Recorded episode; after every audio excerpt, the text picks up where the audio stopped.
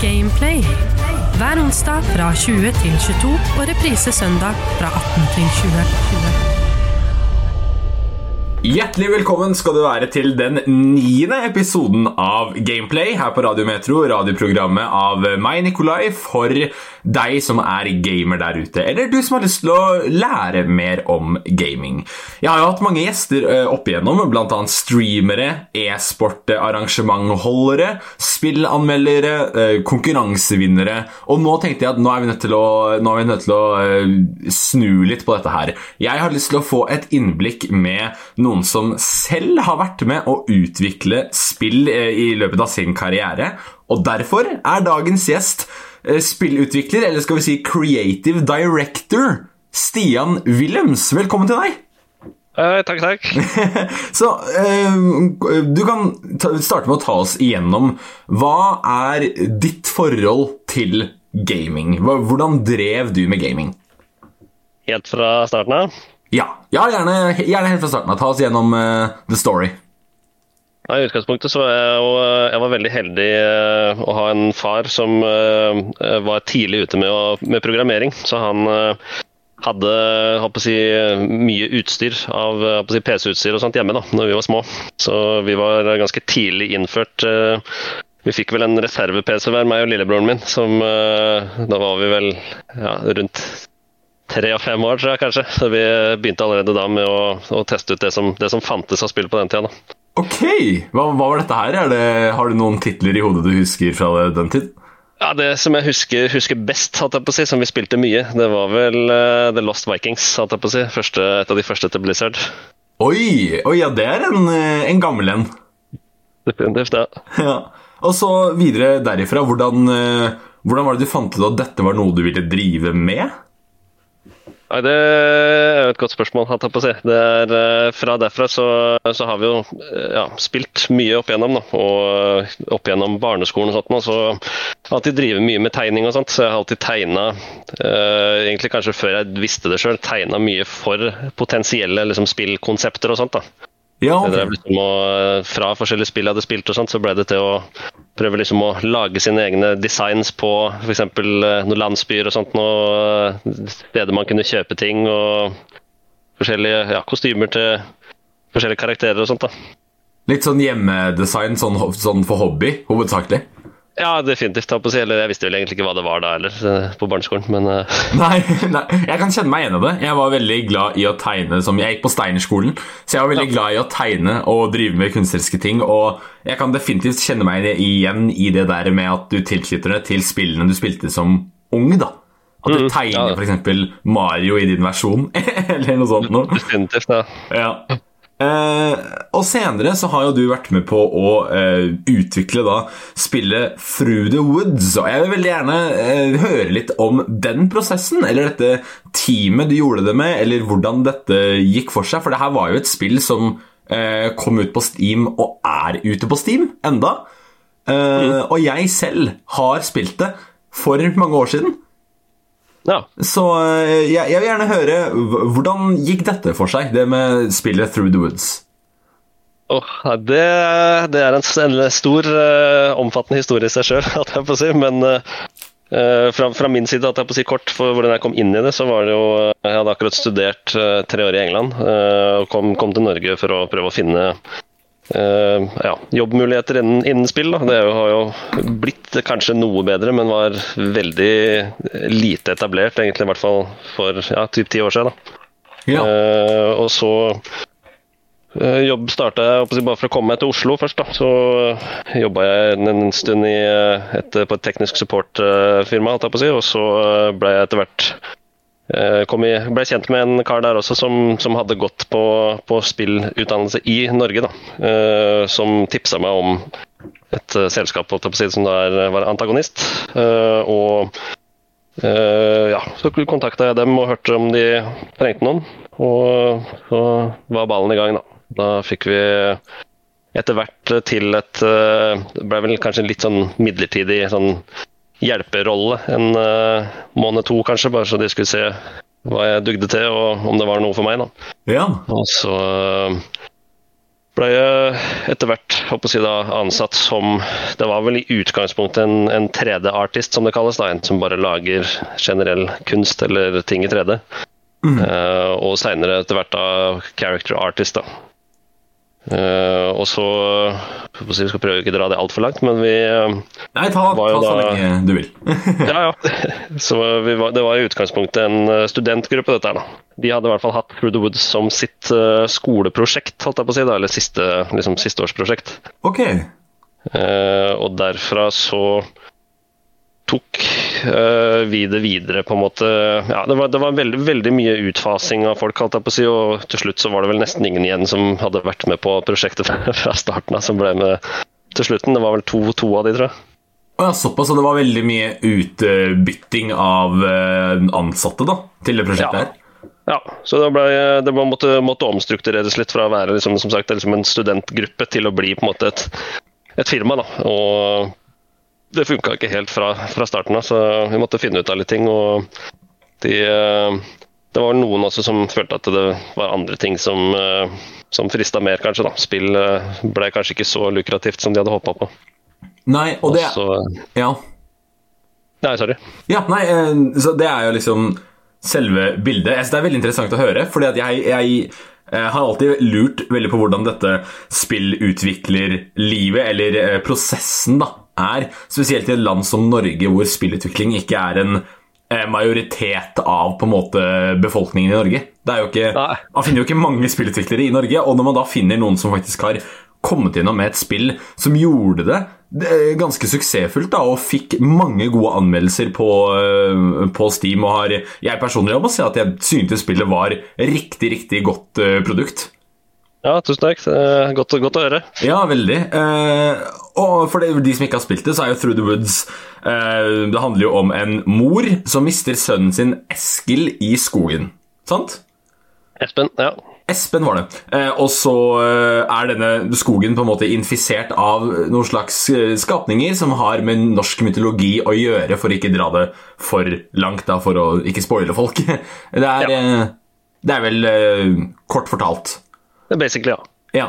Uh, veldig, veldig kult. Jeg, jeg lurer på faktisk om jeg har møtt deg en gang tidligere i uh, Hvis du var på SpillExbo for å liksom promotere dette spillet, var du det?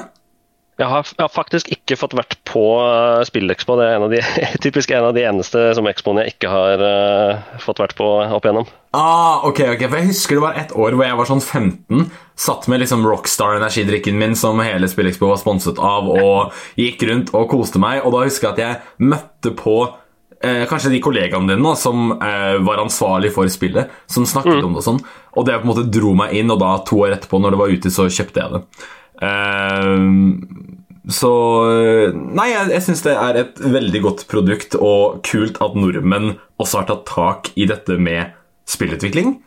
Uh, og vi kan jo se litt på framtiden. Hvordan kommer det til å se ut videre for deg med dette?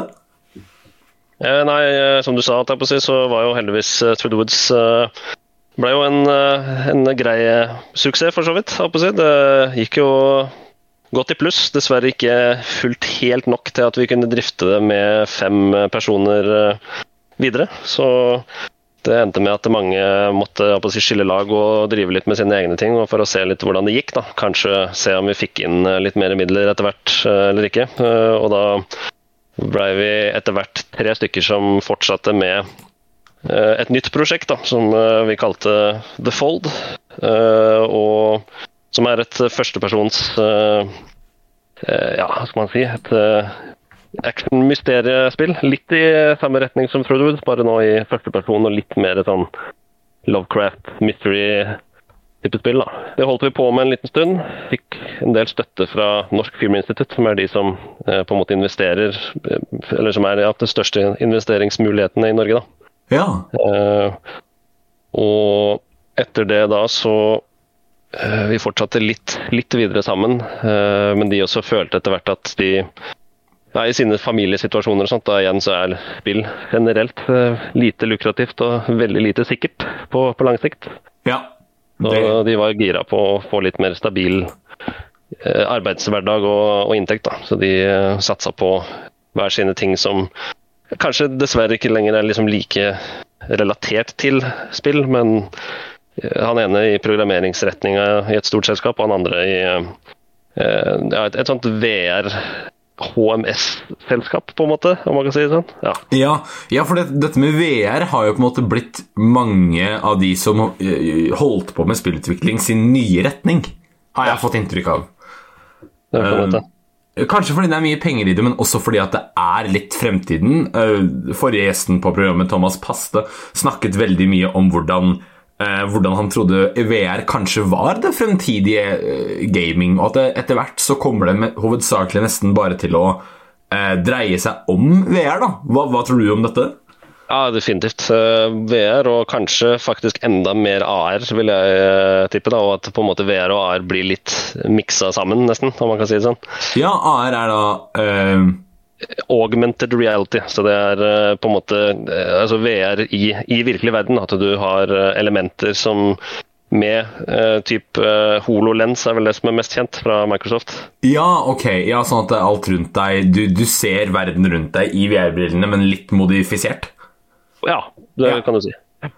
Så okay. det blir jo sannsynligvis veldig vanlig. Sånn som, eh, det er litt sånn som et sånt uh, HUD, som det kalles, da, eller heads up display i, eh, i uh, sci-fi-spill, f.eks., hvor du ser uh, ting på, eh, rundt i verden, på en måte. Da. Altså sånn Navigasjonsting og sånt, f.eks., er jo noe som kommer til å bli ganske vanlig, sannsynligvis. At du kan ha uh, si, altså live Google Maps i briller, f.eks. At du ser på bakken, f.eks. Piler med retninga der du skal, og sånne ting. da. Det er faktisk ganske kult. Jo mer du snakker om det, jo mer blir jeg solgt inn på den ideen her. Alright. ja.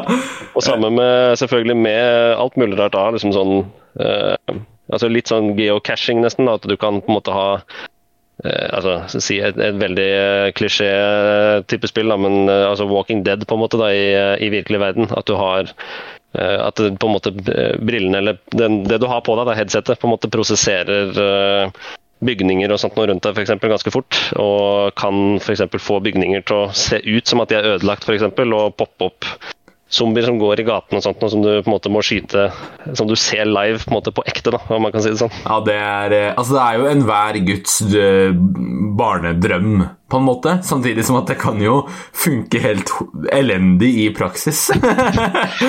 Absolutt, ja. Folk går rundt og later som de skyter zombier i gatene, liksom. Da, da blir plutselig ikke eh, Norge like trygt å bo i lenger. Nei, det kommer til å ta helt av. ja. Men eh, det kommer til å skje, det er jeg 100 sikker på. Ja, men Da har vi i hvert fall noe å glede oss til på den fronten. Eh, veldig veldig hyggelig å få et lite innblikk i din eh, hva skal man si, spill eh, 3D-art-historikk. da, Hvordan du kom deg inn i denne type bransje. Eh, jeg har litt lyst til å ta et eh, blikk på din fortid i gaming i første spalten Playback. Er du klar? Ja. Her er ukas playback. Da er det klart for Playback, den aller første spalten på dagens eh, gameplay-program. Vi har med Stian Willems, som er creative eh, designer i, eh, i spillutviklerverden, med oss. Og jeg er veldig interessert i å høre hva du spilte som liten, og hva som satte mye inntrykk på deg, da, hvis, vi, hvis vi skal gå sånn ordentlig i dybden. Gjerne hva som kanskje inspirerte deg til å jobbe litt med spill som både hobby og ehm, faktisk eh, jobben din da, i senere tid. Så eh, der, ja, Derfor vil jeg bare spørre, spørre deg, hva var ditt aller første spill, hvis du kan huske det? Som jeg nevnte i stad, eh, jeg tror det aller første som jeg kan huske at jeg spilte, det må, som i hvert fall gjorde et godt inntrykk, det må være The Lost Vikings. da. Ja. Hva, hva gikk dette spillet ut på? For jeg er ikke så godt kjent med Blizzards tidligere titler. Nei, jeg, og jeg skal, også, jeg skal ikke si det 100% sikkert, men jeg mener at det var Blizzard som eh, i hvert fall var del, delutviklere delutvikler i, i det, i hvert fall. Eh, de har i hvert fall det som nå, som et spill som de fortsatt liksom eh, trekker fram litt innimellom, i hvert fall. Ok. Eh, og det, er, eh, det gikk da ut på at du var tre, tre små vikinger, hatt jeg på å si, som eh, hadde eh, rota seg bort, hatt jeg på å si, i tida. Så de hadde de, eh, Hvis ikke jeg husker helt feil, så reiste de veldig helt sånn De hadde en annen ustabil portal som de reiste litt eh, fram og tilbake i forskjellige verdener, holdt jeg på å si. Både framtid og fortid og det som var, da. Ok. Så måtte man liksom finne, finne veien eh, vekk derfra, da. Så det var litt sånn eh, noen, eh, noen fra en annen tid som dukker opp i fremtiden, på en måte? Eller i fortiden igjen?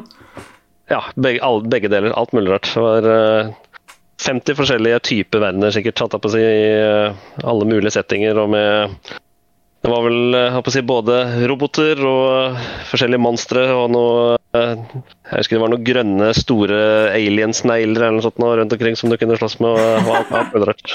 det er ganske kult, egentlig.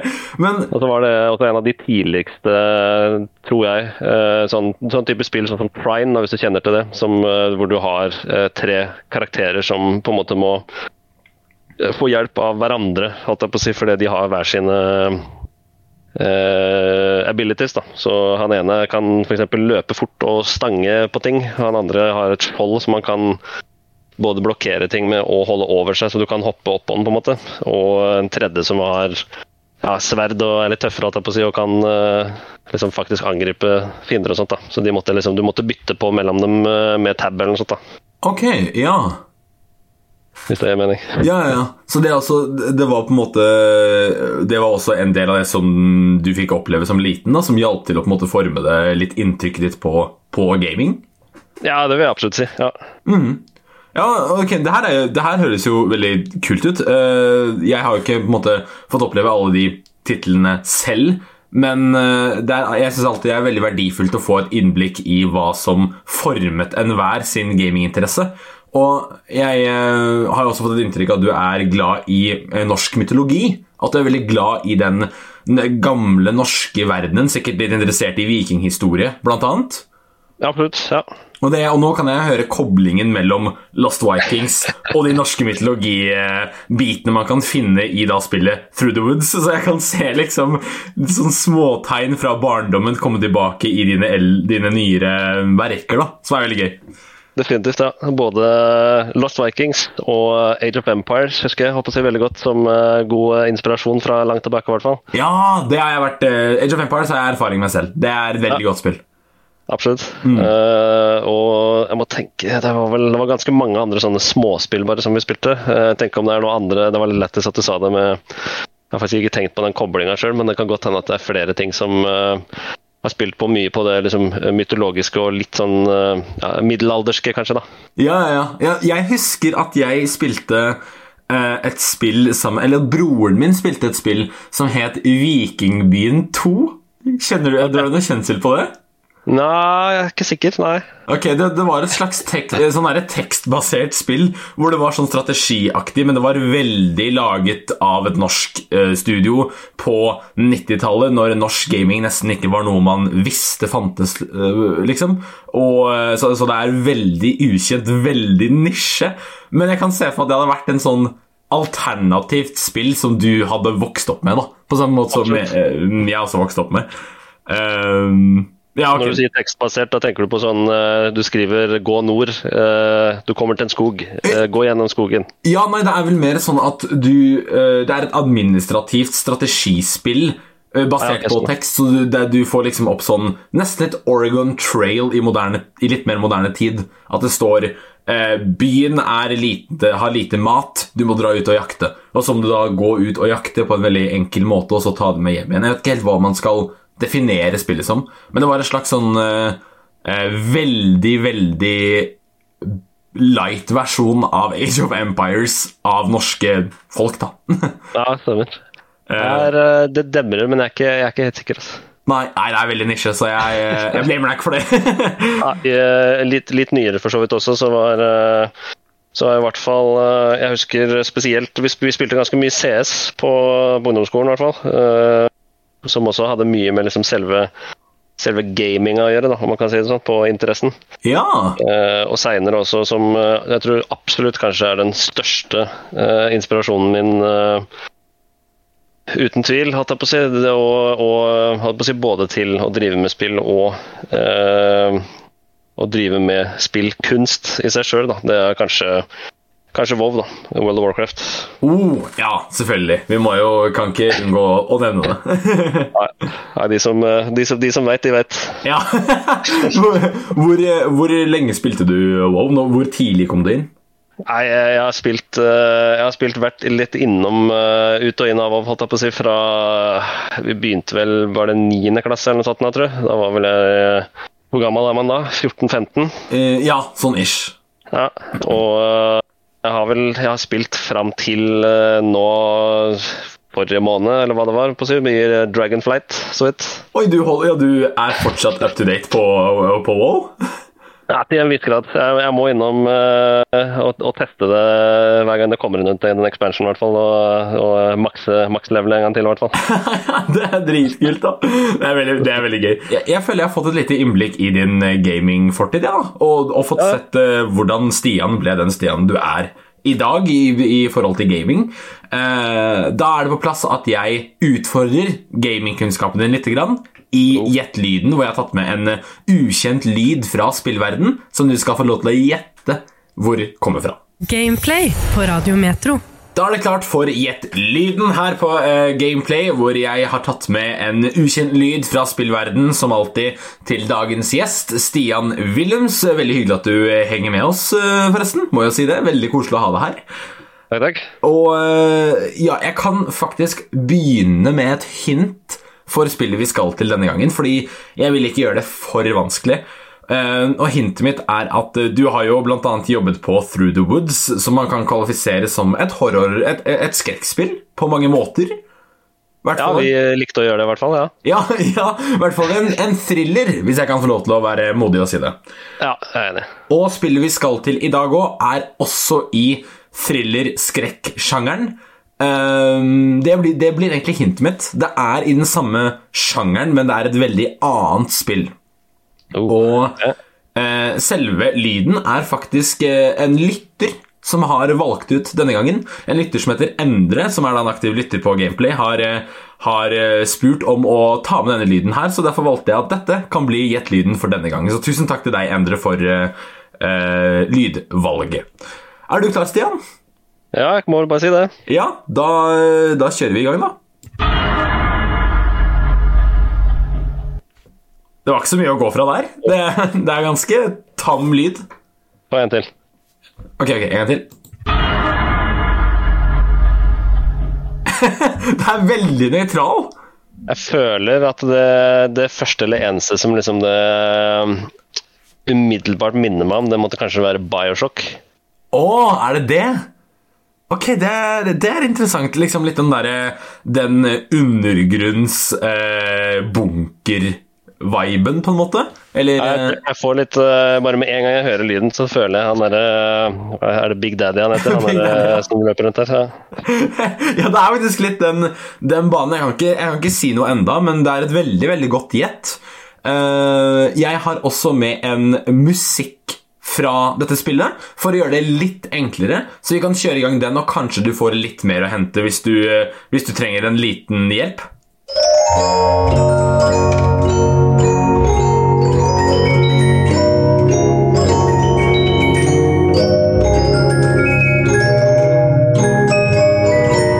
Kjenner du eh, Kjenner du igjen dette, eller blir det mer Mer uh, gjenkjennelig nå, kanskje? Nei, det høres uh, definitivt kjent ut, men uh, jeg er ikke helt sikker, ass. Nei, fordi du nevnte jo Bioshock. Føler du at det fortsatt er i den banen? Ja, jeg vil jo si det, men uh, det er jo mye rart som kan være relatert også til det begynner å bli veldig mange år siden jeg spilte det. Men uh, det også kan jo være relatert til hun der uh, Little Sister, hva det vel du vet, da. Ja, hun jenta som følger med Big, Big Daddy. Ja, men ja. også si, alt både med den lyden der og den her eh, litt sånn spilledåse-barnelyden, hatt jeg på å si, det gir meg også automatisk assosiasjoner til Fear. da.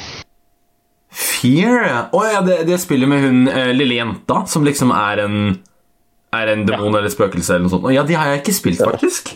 Ja, Det også var uh, litt i retning av på en måte Stranger Things, der du har uh, Du ser liksom forhistorien på en måte til, til en viss grad da, av hun uh, som liten, håper jeg, når hun hadde med det hadde med et litt sånn barnehjemaktig greier å gjøre. alt på at Hun var liksom et eksperiment, og at de hadde liksom sånne barnerom rundt omkring som du måtte explore. Ok, ja. Ja. Ja, men Det er kjempegode titler du, eh, du kaster ut der. Er det en du har lyst til å lande på? Ja, stemmer, ja, for det er ikke noe, det er ikke noe riktig eller gærent foreløpig. Nei, jeg, jeg, jeg, jeg kan jo ikke, kan ikke si noe. Nei. Nei, hvis det skulle være den, I hvert fall den første lyden der, egentlig begge, da, høres jo, de høres jo ganske gamle ut, da, så vidt jeg kan tenke meg. Uh, jeg tror kanskje jeg vil lande på uh, Fear. Fear? Ja, ok, vi, vi lander på det. Men lyden du hørte, var Det er riktig at du sier gammel, fordi den skal eh, Settingen skal være kanskje litt eldre, eller litt tilbake til 80-tallet, riktignok. Ah, okay. Eh, og, men spillet er fra moderne tid. Og spillet da som Endre tok med til oss, og jeg eh, utfordret deg med lyden til, var Five Nights at Freddy's. Ah. Det, det har jeg faktisk ikke spilt, så det var jo faktisk litt uh, vanskelig da, ja. ja, det skjønner jeg, men, men kjenner du den igjen?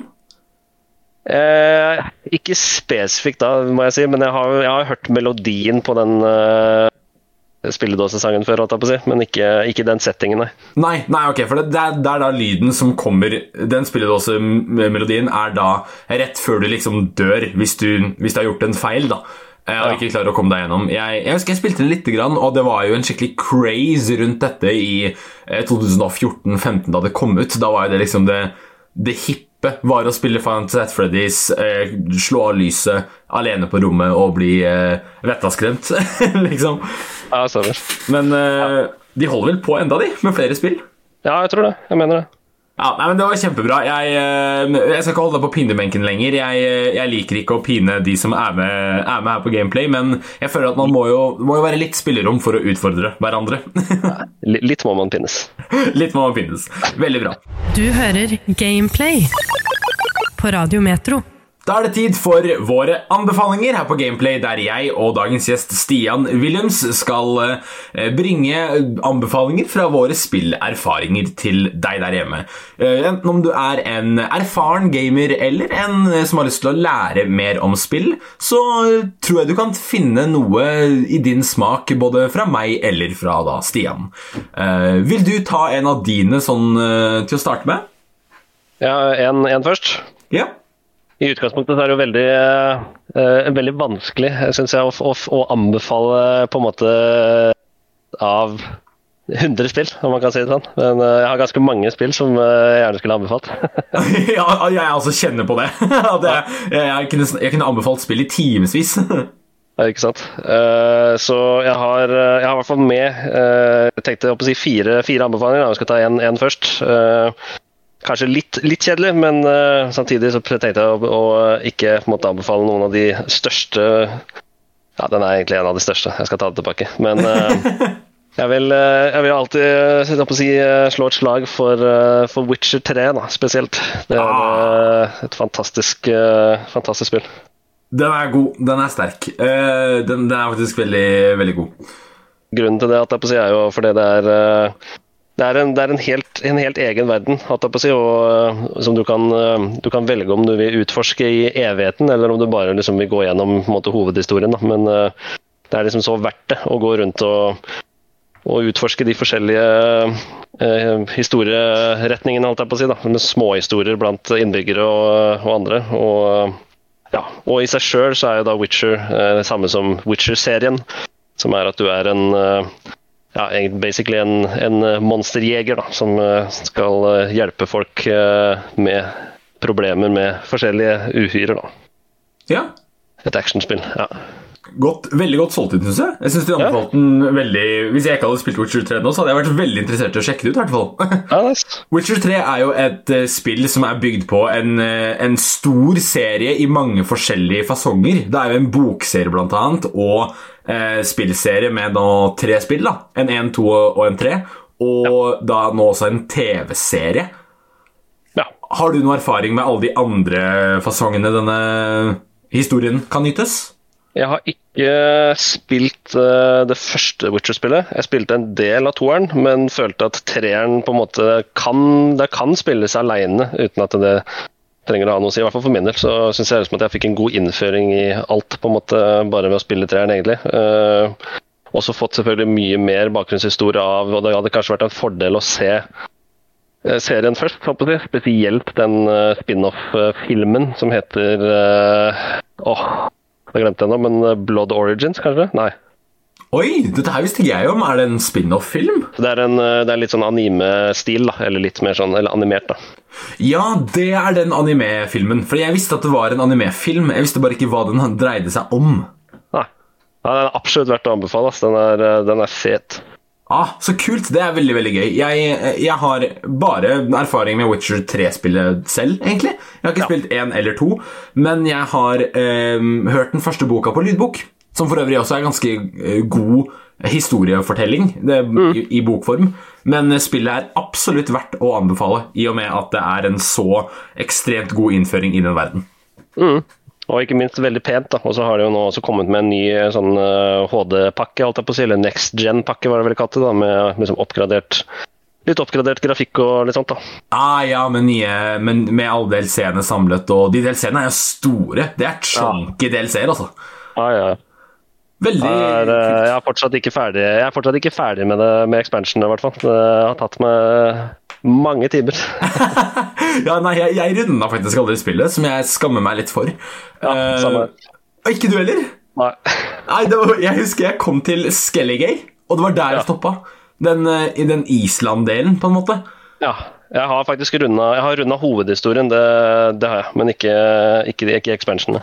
Nei, ok, nei, for jeg husker jeg, jeg hadde litt sånn uh, Når man spiller RPG, kan man være litt den personen som går og gjør alle sidequester du får tilgjengelig før du fortsetter på mainstoryen. Og Du, er- noen ganger så vil du og må det òg. Du må få tak i eh, spenn, og du må få tak i gear. Og du, må, eh, du vil få tak i gear, for det er ikke alt gear som er kult. Så Ikke sant? ja, du vil ha den coaten istedenfor den der dumme brystplata, liksom? ja. jeg, jeg går rundt og ser ut som en middelalderklovn nå, med sånn eh, masse sånn striper nedover og sånn stor sånn posebukse. og Det ser latterlig ut.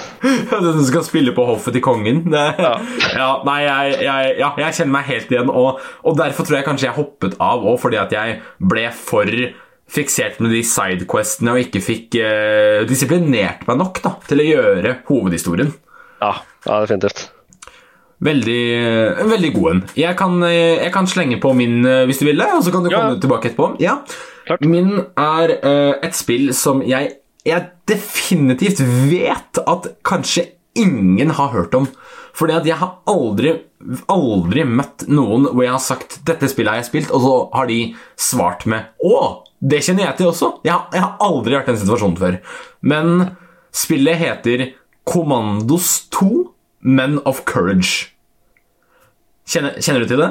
Det hørtes uh, kjent ut, men jeg er ikke helt sikker. Mens du prater om det, så skal jeg søke det opp og se. Ok, ok, ja, gjør det.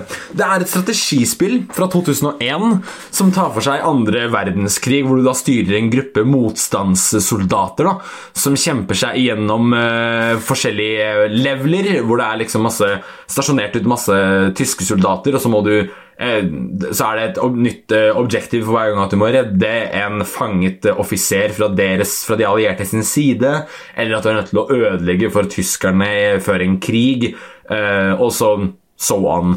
Og da har disse forskjellige motstandssoldatene som du styrer, har forskjellige egenskaper. Så det er en som er liksom the sniper, han har da en sniper. Så er det en som er eh, the diver, han kan dykke under og bruker harpun til å skyte. Det er, det er jo et, eh, et voksent spill, da, så må jo spille det hvis du er 18 år gammel, eller hvor eh, hvilken aldersgrense dette spillet anbefaler. Men jeg spilte det som eh, liten. Fordi min far hadde fått eh, det første kommandos i en sånn derre Husker du da man fikk sånne demo-CD-er når man kjøpte et spill? Så fikk Ja. du med liksom en demo-CD i, i tillegg til spillet du kjøpte. Og Mye av det, han- og eh, jeg skulle bare kjapt si, eller legge til at eh, når jeg ser det nå, så er det akkurat det som var tilfellet mitt, at jeg hadde aldri det sjøl, men jeg spilte det masse på, på demo, definitivt. Gjorde du det? Ja. Har du spilt kommandos? Jeg har spilt det på demo, ja.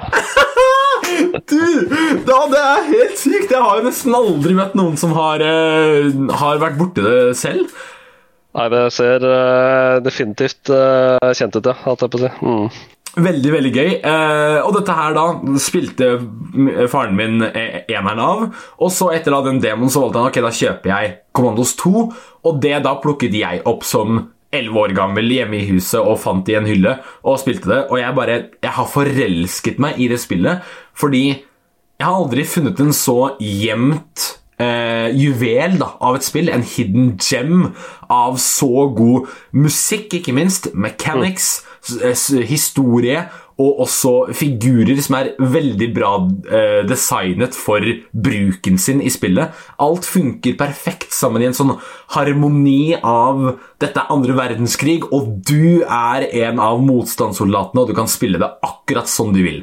Du kan gå stealth, og snike deg gjennom med figurene som er flinke på det, eller du kan gå fullt ut og plukke opp et maskingevær og, og, eh, og kjempe imot eh, maktene. Da. Jeg syns det er virkelig et spill som har satt preg på meg som person og det jeg liker å spille. Eh, enkelt et av mine topp ti spill gjennom tidene, og et spill som jeg også kan plukke opp i den moderne tid, for det finnes på Steam i flere fasonger, faktisk. Ja, fett. Så det er Det Nå ble det mye om kommandos, men jeg måtte bare få eh, uttrykt min kjærlighet til det spillet her. Det er. Hva hva slags eh, erfaring har du med det? Sånn, spilte du det første, eller er det det andre du hadde som på demo? Det var eh, sikkert et av de første, tenker jeg, på en sånn eh, Enten en demo eller eh, si, Fattern kom også hjem med en sånn eh, vi hadde, vi hadde et sånt program, på en måte. Det var basically en sånn sånn som på å si eh, CMD, på. Hvis du skriver CMD på, i start, liksom, og får opp sånn kommandovindu. Ja, ja, sånn på PC. Eh, ja, så det ligna litt på det, på en måte, med massevis av sånne små spill som både var liksom fulle og demoer og alt mulig rart, da, av det som hadde kommet ut så langt. på en måte. Ja. Vi hadde liksom en sånn vi vi hadde egentlig liksom en sånn Pirate Steam kanskje da på den tida, som uh, alt mulig rart. da. Veldig, veldig gøy. Ja, men Det er uh, utrolig kult. Skal vi gå videre til uh, din neste anbefaling? Ja, altså kan, uh, ja, vi kan ta de fullt eller kjapt, for, for, for den saks skyld. Men jeg tenkte jo på at, at jeg skulle prøve å komme med noen som er litt, litt forskjellige, da.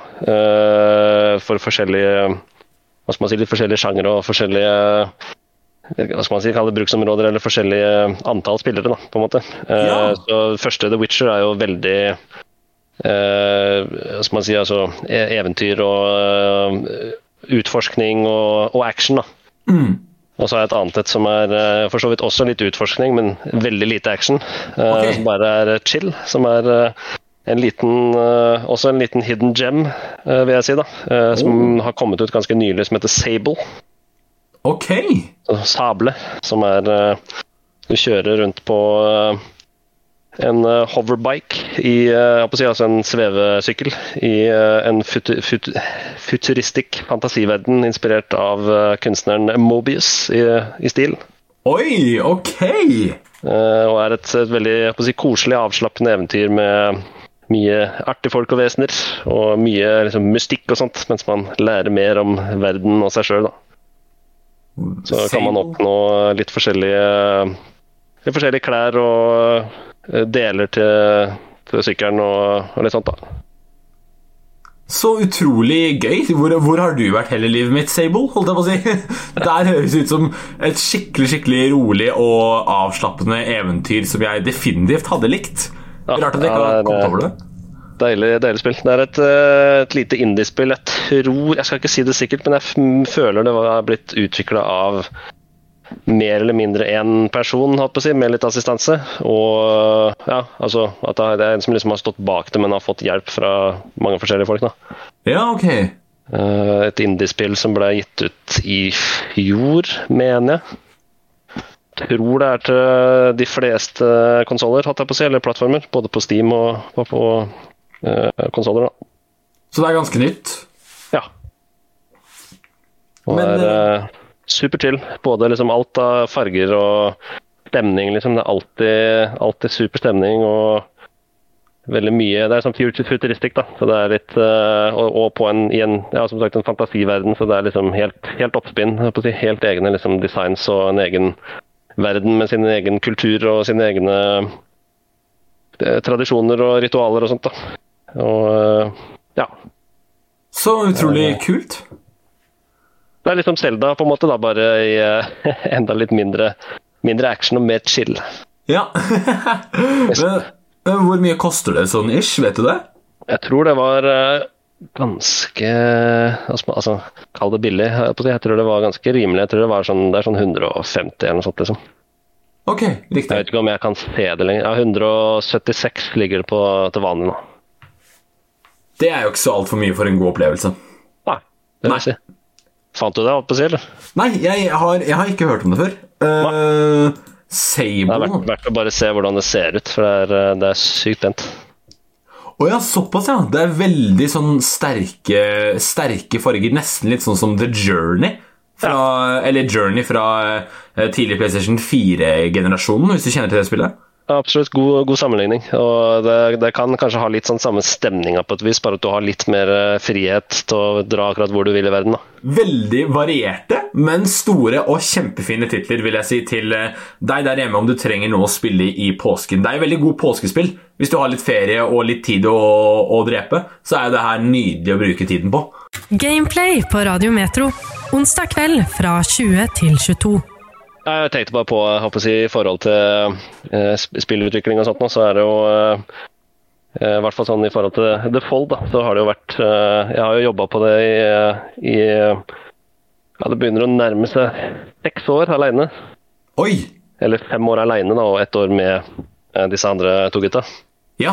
og det har jo I starten så føltes det ganske nice si, å kunne ha ansvar for eh, alle områder eh, på egen hånd og styre eh, sjappa sjøl, om man kan si det sånn. Jeg følte at jeg hadde mye gode ideer som jeg ville få ned uten liksom, altfor mye innvendinger, og gjøre det til liksom, min, mitt kunstprosjekt, nesten. da. Mm. Uh, og uh, etter hvert så, så, har i hvert fall det uh, blitt ganske ensomt, kan man si. og så i, i, høst, eller tidligere som var nå, da, så ble som, som, jeg tror egentlig også gjelder ganske mange spillutviklere, egentlig, ble uh, utbrent. da. Det forstår jeg. Uh, og jeg si, uh, Så det ble litt, litt, forsinkelser sånn sett også på, på selve liksom, utviklinga av, av The Fold. da. Men det har blitt nå på en måte halvveis overgitt til et annet studio på en måte til å på en måte fullføre den siste, liksom, mest krevende tekniske biten av spillet. Da. Så forhåpentligvis så blir det ferdig i løpet av året nå. Da. Men det er jo også en veldig veldig viktig perspektiv av spillutvikling. Det der med hva du faktisk gjør med utviklerne hvis de får for mye på seg. Eller ja. hva, du, hva, du, selv på en måte må igjennom da, for å lande dette produktet. Så det her syns jeg er eh, kjempefint å eh, også ta opp som en, eh, som en ekstra pekepinn på dette her er viktig. Ja, ja, definitivt. Det er, uh, si bare kort om det også, er det jo uh, veldig spesielt i, i Spill-Norge, sånn sett på utviklersiden, da, så er det jo det er ekstremt, et ekstremt krevende uh, yrke som jeg tror veldig mange ikke kan se for seg. Det er veldig mange, Jeg hører alltid uh, folk si hvis jeg driver med spill, så sier folk åh, oh, du, du, er heldig, eller åh, oh, så, så sinnssykt gøy. Ja. Uh, og på mange måter så er det det, men uh, på veldig mange måter så er det også ikke det. og vi, sånn som For min del, da, uh, hvis man driver et eget selskap og lager spill alene, så har jeg jo arbeidstimer på kanskje ja, opptil tolv timer per dag noen, noen, ganger.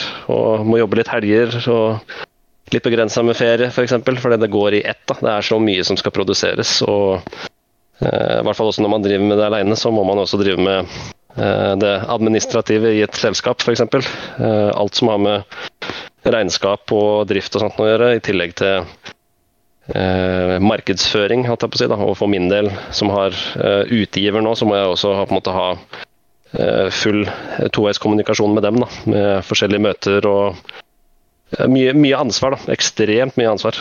Og det er jo en vanvittig jobb å ha på sine helt egne skuldre. Så det er jo Ja, man skal ha respekt for i hvert fall eh, indie-studioer som eh, jobber, ting, jobber, på ting eh, nesten solobasert, helt alene.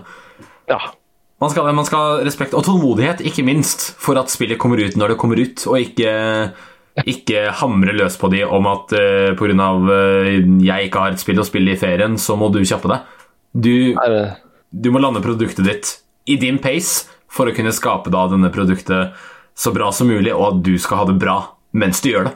Definitivt. Og det verste med det er jo si, definitivt uh, spillerne si, er jo uh, en av de største faktorene i det, eller viktigste sånn for å, å backe utviklerne. Det er eh, alt, blitt en altfor stor eh, sånn kultur på, på, akkurat det. da, At man skal eh, nebbe på hvis det f.eks. blir utsettelser eller sånne ting. da. Ja. Det, er, det, er, så altså de, de, de veit ikke hvor hardt, altså i store firmaer òg, hvor hardt utviklerne blir pusha til overtid og dårlige lønnsvilkår si, med overtidsbetaling og, og alt mulig sånt. Nå. Det, er liksom, det er produsentene over som kanskje er liksom litt mer å, å sette til spørsmål der. Men utviklerne blir de, får, de, har så mye press på seg at det er helt sinnssykt.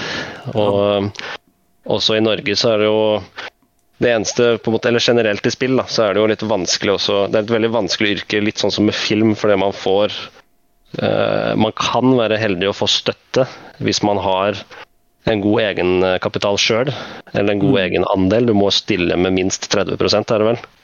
Ja. Uh, av budsjettet. Så det er også veldig kjedelig for en oppstartsbedrift. Altså hvis du, hvis du trenger ja, altså Sånn sett, da. Uh, så er det jo sånn lønnsmessig så koster det jo Altså hvis en ansatt skal ha si, en årslønn på 300 000, som er en helt gjennomsnittlig lønn i Norge nå, uh -huh. så, så, koster det selskapet sikkert 600 000. da.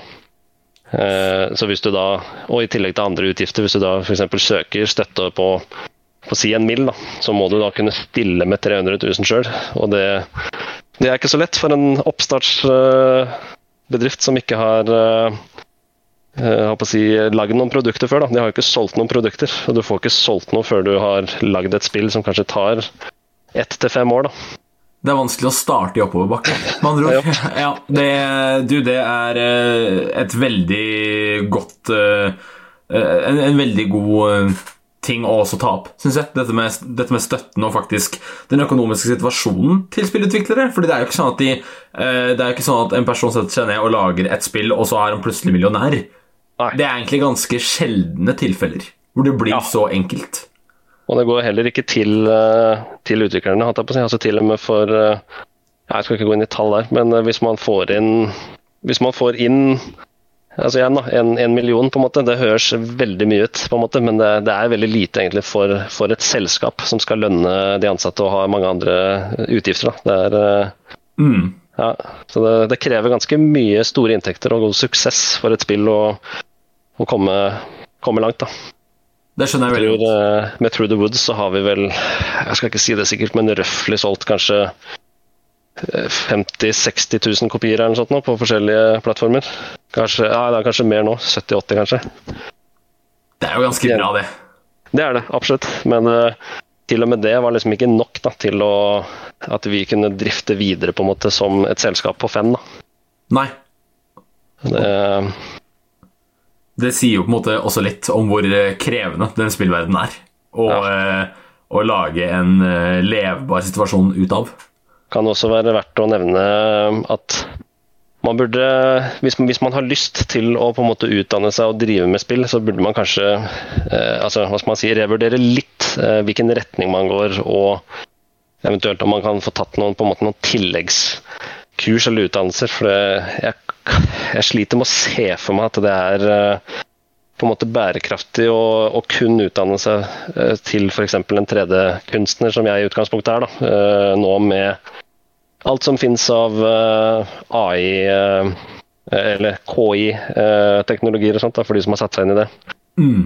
Som autogenererer ja, bilder og verdener og det som er, da. Nå det, ikke, det, føles i hvert fall ikke som om det er veldig lang tid til liksom concept artists, da, de som tegner eh, konsepter og skisser til, til, spill og sånt. Eh, at de på en måte har så mye mer framtid, egentlig, fordi det, det datagenererte at jeg på å si, lager så mye bra støff nå. da. Ja, altså det, kan, man, kan, man, ta sammenligning, sammenligningen med at det er litt det samme som å være en smed, en jernsmed nå? At sånn alt blir så fabrikkgenerert eh, snart at vi trenger ikke håndverkerevnene i fremtiden like mye som vi gjorde før. Det er litt på en måte den. Absolutt, ja. Det vil jeg si.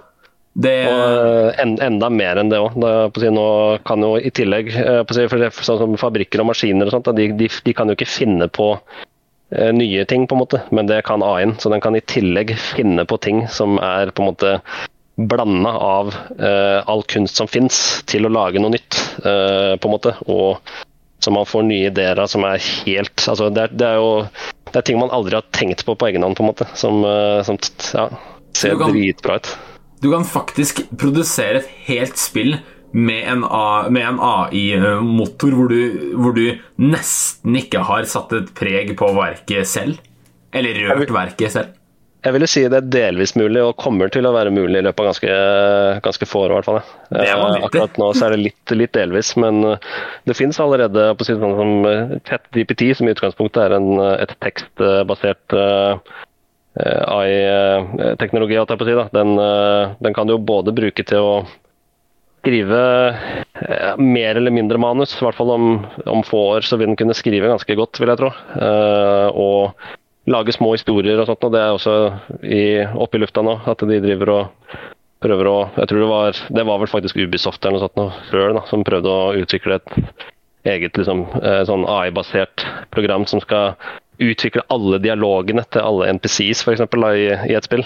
Eh, og Microsoft har vel for Flight Simulator, uh, så vidt jeg kan huske, lagd hele verden i den nyeste Flight Simulatoren uh, basert på Det er vel basert på, på en måte satellittbilder, da, men det er en AI som har liksom generert verden mer eller mindre, tror jeg. Ja, det er eh, imponerende, samtidig som det kan jo være skremmende for enkelte yrker og, og eh, egenskaper, da, sånn som mennesker som deg, som har denne 3D-kunstneren kunstneren i deg. Eh, Man vil jo ikke at det skal falle bort heller. Nei, definitivt. Og det, det gjør det mer og mer, dessverre. Og det, det tror jeg i hvert fall igjen. Jeg ville, jeg ville vært veldig det er jo det er veldig synd. Jeg ville ha hatt flere liksom, eh, spillutviklere til ut, utdanne seg, og spesielt eh, i Norge, da, og få liksom, den biten til å vokse kraftig. Men eh, jeg ville vært litt, litt skeptisk og eventuelt prøvd å sett eh, andre muligheter. Da, hva, hva som kan være mulig, som vi snakka om i stad igjen, med alt som har med AR og VR å gjøre. og eh, hvordan det på en måte kan bli brukt eh, både i spillsammenheng, da, i, eh, i den uh, retninga, men også eh, til andre ting, da, sånn som jeg snakka om uh, F.eks. i kursing, da, i eh, litt mer sånn risikofylte yrker, og sånt, så er det jo genialt å bruke til kursing eh, altså F.eks. For, for elektrikere, da, hvor det er eh, stor sjanse for å få strøm. Da. Ja. Så kan du prøve deg i, i AR eller VR da, og se eh, altså, faktisk liksom fysisk hvordan jobben gjøres, da, mer eller mindre. Mm. Ja, Nei, men ok, Det er veldig, et, et veldig bra segment. Glad for at du tok det til bords. Jeg setter veldig pris på det. Dette her er viktig å ta opp og sette, sette lys på. Ja. Ja, absolutt. Uh, og med det så vil jeg faktisk bare si tusen takk for at du har vært med, Stian. Jeg har ikke noe mer på planen, jeg da. Nei, bare hyggelig. Du får uh, kalle meg inn igjen hvis det skulle være noen andre temaer eller noe som uh, du skulle være gira på. Det skal jeg gjøre. Eh, Først, før vi, før vi runder av, hvor, hvor kan man finne deg, og hva er det du holder på med akkurat nå? Akkurat nå så jobber jeg da på, eller har jobba på uh, spillet The Fold Ingression, som jeg lager med uh, mitt eget selskap, Audvir Studio. Uh, og ja, jeg har uh, lagt ved en del uh, linker og informasjon her. Men uh, hvis man vil finne meg, hatt jeg på sist, så er det enten på, på Twitter eller Instagram, som kanskje er det der som jeg legger ut mest av det jeg driver med, i hvert fall. Da. Så, som enten er uh, nikket mitt Stimwill for Stian M. Wilhelms, Mm. og, eller bare Audvyr som som navn på begge, på begge stedene. Da. Ja. Hvis du finner Stian på Twitter eller Instagram og ser hans eh, oppdateringer på hans kunstneriske reise innenfor 3D-verden, både med The Fold og på privaten, så kan du følge ham på Twitter og Instagram. Da heter han Stimvill, S-T-I-M-W-I-L, eller Audvyr, A-U-D-V-Y-R. Og eller eh, så er også for så vidt The Fold eh, på Steam, faktisk, hatt jeg på å si, og venter på eh, å forhåpentligvis bli lansert til høsten. Da. Ja. Det blir Jeg gleder meg kjempemye. Jeg skal selvfølgelig hoppe på, hoppe på The Fold og ta med det inn i gameplay-verden. Det må jeg jo gjøre. Så jeg gleder meg veldig veldig mye til det spillet skal komme ut, så jeg kan teste det selv også. Og så ønsker jeg deg bare masse lykke til med The Fold og alle prosjekter du har gående videre. Tusen takk, og hjertelig takk for at jeg fikk være med. Selvfølgelig. Og tusen takk til deg der hjemme for å ha hørt på. Eh, har vært utrolig hyggelig å ha deg med som alltid. Og husk at neste uke er vi tilbake med en ny gameplay og en helt ny spennende gjest. Gameplay. Hver onsdag fra 20 til 22 og reprise søndag fra 18 til 20.